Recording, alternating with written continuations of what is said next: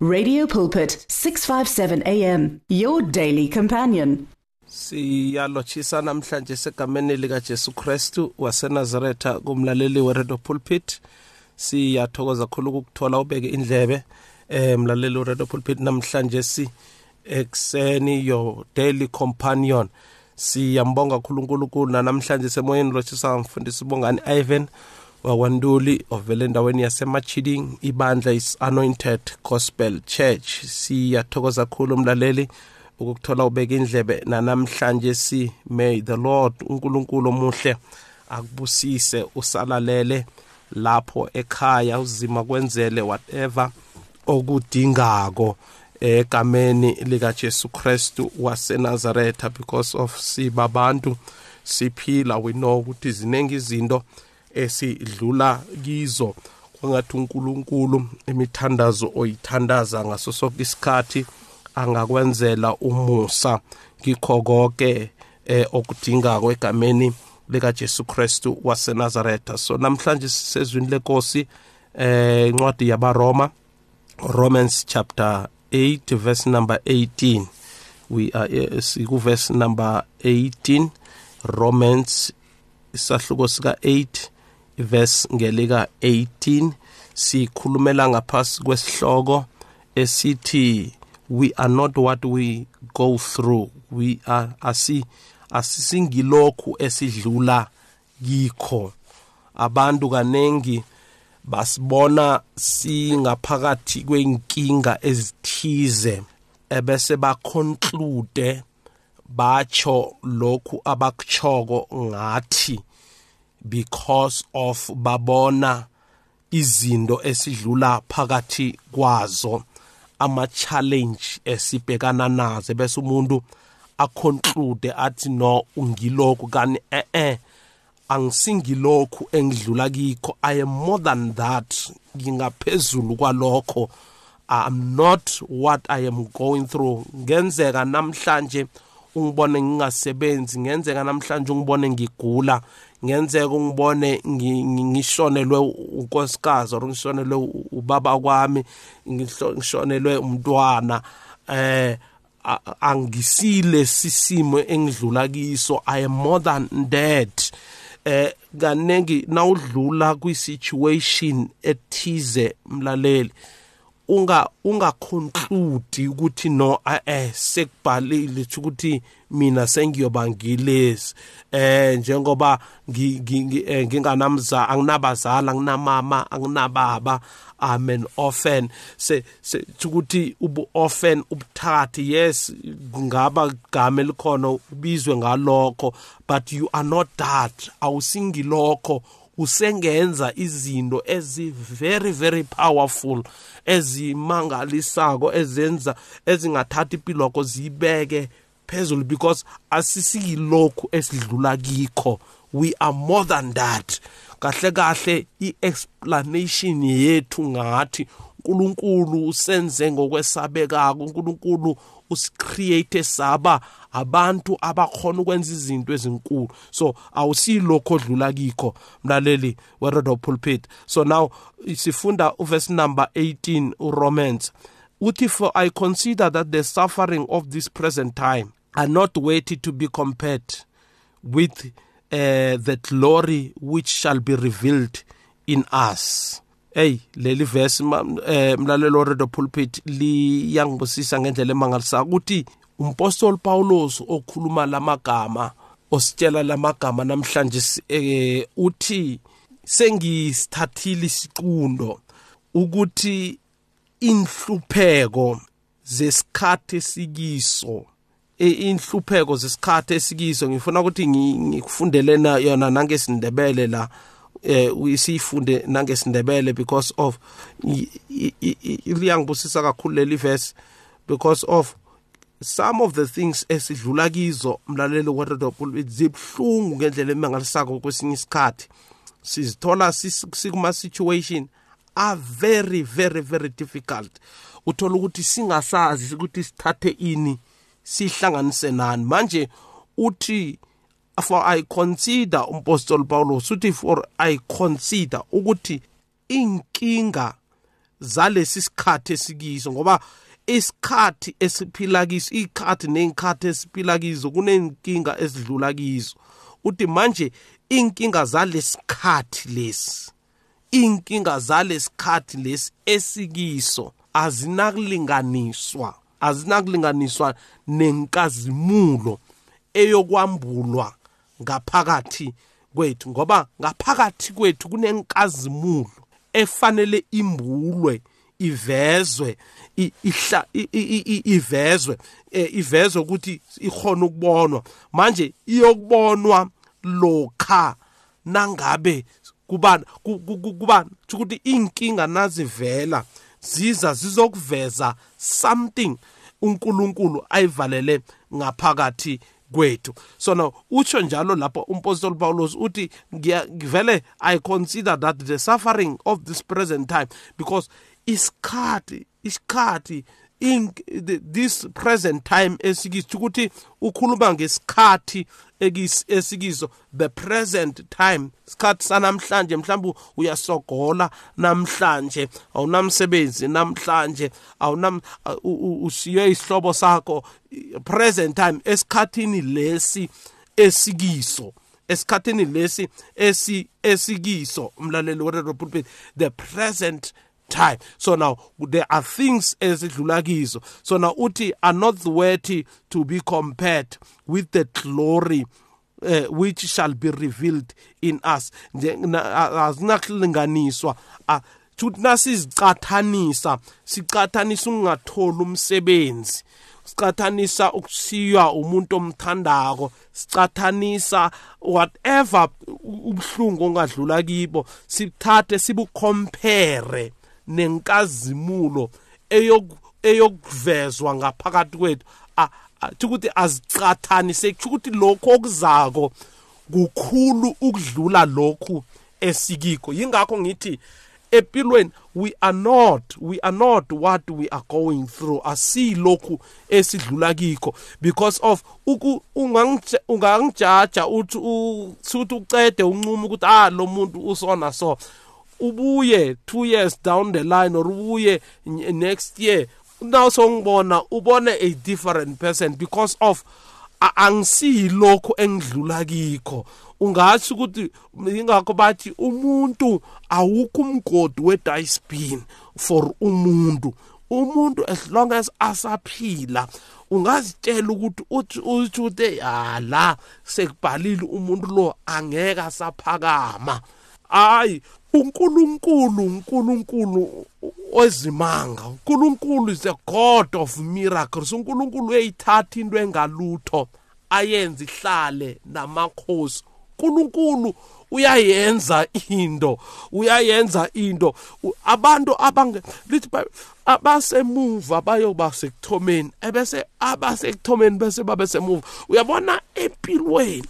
Ungabahlulela abantu uzitshela ukuthi no eh eh ngenxa yokuthi kwenzeka u2 no 3 namhlanje they nawe mlaleli weredu pulpit ulapha ekhaya ungazihluleli ngezinto okizo manje uthi hayi njengoba kuso angeke kusalunga next empilweni nami ngiyohlala ngiyilento engingiyo. Eh eh you don't have to do that. There is something that is going to be revealed in you.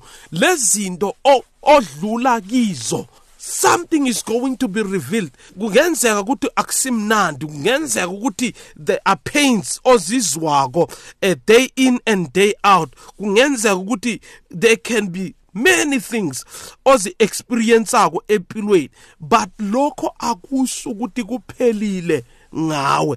Ngithanda nale eh, eh, eh lo kanje ithiphithila it i'm convinced that any suffering we endure is less than nothing compared to the magnitude of glory that is is about to be unveiled within us. Kunento engaphakathi kwethu ezokwambulwa. Kunento engaphakathi kwethu. There is something that is within us. Kunento evalelwe ngaphakathi kwethu. Uyabona kumnandi ukuthi into ibe ngaphakathi kumnandi ukubuilda into from within ungabuild into from outside to inside. Build yourself from within. Don't build yourself from outside to inside. Ufuna ukuthi uchazwe ukuthi unekoloyi ehle. Or ubereka umbereko omkhulu or yabona yinto engaphandle but uthola ukuthi ngaphakathi kwakho awukakabuildeki ngaphakathi. So now vane ngikhulume lakamagama ukuthi you cannot pour from an empty cup. Now in order for you to pour there must be something in the cup before you pour ngaphakathi pour angeke uthele from ekomitshini enganalutho. So now now nawuthelako yemdele kube nelitho ngaphakathi kwecup then uthela ngaphakathi kwecup elithi i-content yemdele kube ngapha na something ngaphakathi kwaleli cup so now nathi njengoba sibabantu so ukudlula ngaphakathi kwama situation kunezinto uNkulunkulu afuna ukuzigcwalisa ngaphakathi kwethu. Kunezinto ekufanele ukuthi sizigcwalise ngazo. While sikuma trials while sikuma tribulation while sikuma situation singakhohlwa ukuthatha izwi lenkosi silenze kube yiremedy esilaphako in times of troubles in times of situation because of kunala uNkulunkulu asithatha asi sisakhona akunandaba ukuthi uberegisa ini uzimo ukuthi asithathe asise to another level. Angaberegisa umtlhago kube yinto kwangathi uyatlhaga. Kanti yi-transport ekusa to another level angaberegisa ukulahlekelwa abazali ukuthi akuthatha akubereke akuse to another level. Angaberegisa various kinds of tribulations eziba khona ukuthi asithathe to, to ukuthi asise to another level. Mawufika to that level yemdele kube kube kube kugcwele ngaphakathi. Thola ukuthi isikhathi kufanele uthele to another cup or usiza abanye abantu usiza abanye abantu ubatshele ngehistory yakho ubatshele ngezinto odlula kizo. Now now batshela nga what you went through it's because of now sewugcwele wena. Sena something ngaphakathi kwakho kunento ongayishare lo omunye umuntu kunento ongayitshela omunye because lento le seyiyavezwa it's being revealed and irevealwa igcwele ivezwa seyigcwele. Now sinayivezwa it's because of uyakhona ukukhuluma about what you went through uyakhona ukukhuluma ngezinto odlulekizo uyakhona ukukhuluma ngokuthi uJesu ngithethe kuphi wangibeka kuphi why? Because of you are full now. So now ithi bible lezinto esidlula kizo nasikathi angeke ziqathaniswe nalento ezovezwa ngaphakathi kwethu. Ngamanye amagama izinto naziza zizokuza zizokushaya.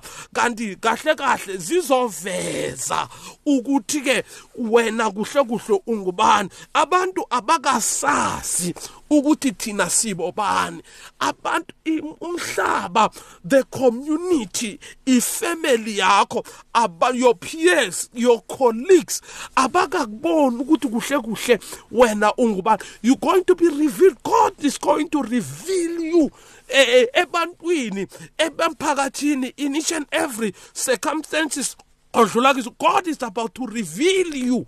Unkulunkulu is about to reveal you. Usazokuveza. Ngale inhlupheko odlula kizo it's not your final. Akusi isilo kanje. Conclusion yempilo yakho. So now igolide nalo ukuze libe ligolide it has to pass through the fire.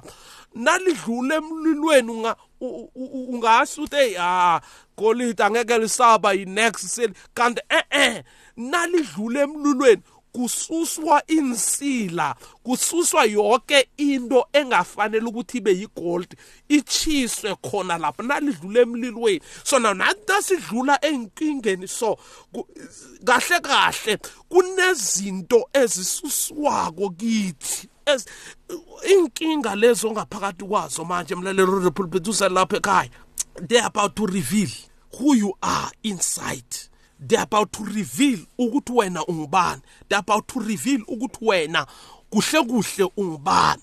Kunento uNkulunkulu ayifake ngaphakathi kwakho enamandla ngendlela emangalisayo kunobukhoni obukhulu uNkulunkulu abuvalele ngaphakathi kwakho. You are strong when? Awusiyi lento le odlula kiyo. Ingaba nzima imeko odlula kiyo? Ingaba hard lento odlula kiyo? But you are not what you are going through. You are not. Awusi awusimfelo wena. Abantu bangakulabela ngezinto abakulabela ngazo. But you are capable ukuthi ube yilento uNkulunkulu afuna ukuthi ube ngiyo. It's god you are about to be revealed. Zizovela lezinto. Abantu sebakunqwabile bakutshelile but eh you are nothing. God it's up to something wena abantu bakucrucifya wena abantu bakubulala wena abantu bakushame wena abantu bakubetray wena abantu wena izinto zonke zikujikela. God it's up to something about your life. Bonke abantu uNkulunkulu abaphakamisile wabeka wababeka in a pedestal wababeka endaweni ephakemeyo. Nawungabacheka ukuthi babuyaphi. Check them ukuthi babuya bazokutshela ukuthi hayi hey ngibuya ebunzimeni obumangalisayo. It's because of uNkulunkulu. Bekabathatha somewhere abasa somewhere. There is transport yethu yokuya to greatness. Asiyilento oyicabangako wena. Kusibumnandi phela always. But there will be difficulties. Manje uPaul uthi this suffering of present times there are present sufferings. There are your present sufferings. There are my present suffering. Anyone ophilako emhlabeni unama present sufferings wakhe. Manje lama present sufferings wakho okiwo manje akatsho ukuthi wena ungubani. Kuhle kuhle azorivila. Ubukhoni bakho azorivila amandla ngaphakathi kwakho ukuthi wena ustrong kangakanani. Hang in there uNkulunkulu there is something that is going to reveal ngaphakathi kwakho because of lamandla angavelelwe ngaphakathi kufanele avezwe. They about to revealed. They are about to be revealed. They are about to be revealed. And nakazovezwa uNkulunkulu usebenzisa izimo esibakizo ngaso sonke isikhathi ukuthi aveze. Now you are not what you are going through mlaleli weradio pulpit. Ulapha ekhaya. Eh eh wena usiyilento okiyo. uNkulunkulu kune kunezinto eziningi anazo ngawe. Unamaceba amahle ngawe. Ekulahlekelweni ekushonelweni uNkulunkulu unamaceba amahle ngawe. uNkulunkulu unamacebo amahle ngawe. There's nothing that is going to take you down. Ngeke ufe ungalendlela ongayo. Ngeke ngeke ngeke gcina usathani kuyogcina uNkulunkulu ngempilo yakho. You are not what you are going through. Namhlanje ngifuna funa lamazwi angene ngaphakathi kwakho ukuthi awusingilokho odlula kikho. Present time sufferings akasi akathi ukuthi siyilokho empilweni. Eh eh izinto zizoshintsha. And nazishintsha izinto kuyomangala abantu kuyomangala abantu. Why? Because uNkulunkulu ubereke kusithakeni and ubereka labantu sebakudele bonke God is working empilweni zethu. Nawo lapha ekhaya mlalelo werodo pulpit You are not what you are going through. You are not what you are going through. You are wena umntwana kaNkuluNkulu. Zilebule ngalokho ukuthi I am the child of God. Lokhu lokhu yinto umhlabelelo uthi sidlula ezintweni ezinzima njalo siyanqoba. Siyadlula asikakajama uthi uDavid though I walk through the valley of shadow and death I will fear no evil. Now uyabona uDavid usebukhathini sobunzima uthi ngibona igodi lobumnyama lokufa mara ngisabi. Nawe ufuna ukukhulume njalo ukuthi nanoma kwenzakalani kubheda kangakanani empilweni but I shall not fear evil because of ngiyazazi these are present time sufferings. These are present time sufferings and lama present time sufferings akatsho ukuthi wena ungumhlupheki akatsho ukuthi wena usehluleki. Wena udalwe uNkulunkulu and ngempilo yakho ephilweni ngempilo yakho kuyofezakaleka. Ucebo lukaNkuluNkulu lodwa. Whether abantu bayathanda whether usathane uyathanda akathandi kuyofezakala icebo likaNkuluNkulu ngempilo yakho. Yilamazwi bekakhona namhlanje. Ake bese siyathandaza eh mlaleli weredo pulpit babe egameni lika Jesu Christ waseNazaretha we are praying for umlaleli weredo pulpit asesekhona ekhaya. Siyamthandazela sithi amandla kaNkuluNkulu akasebenze in this present time sufferings. Lord god almighty comfort them in the mighty name of our lord jesus ubapha amandla abawadingako ngegama lika Jesu amen naka amanamba kamfundisi untuli 076 027 0799 076 027 0799 uNkulunkulu akubusise amen The words of the Lord are words of life. Your heart is on 657 AM. 657 AM. Radio for believers in action.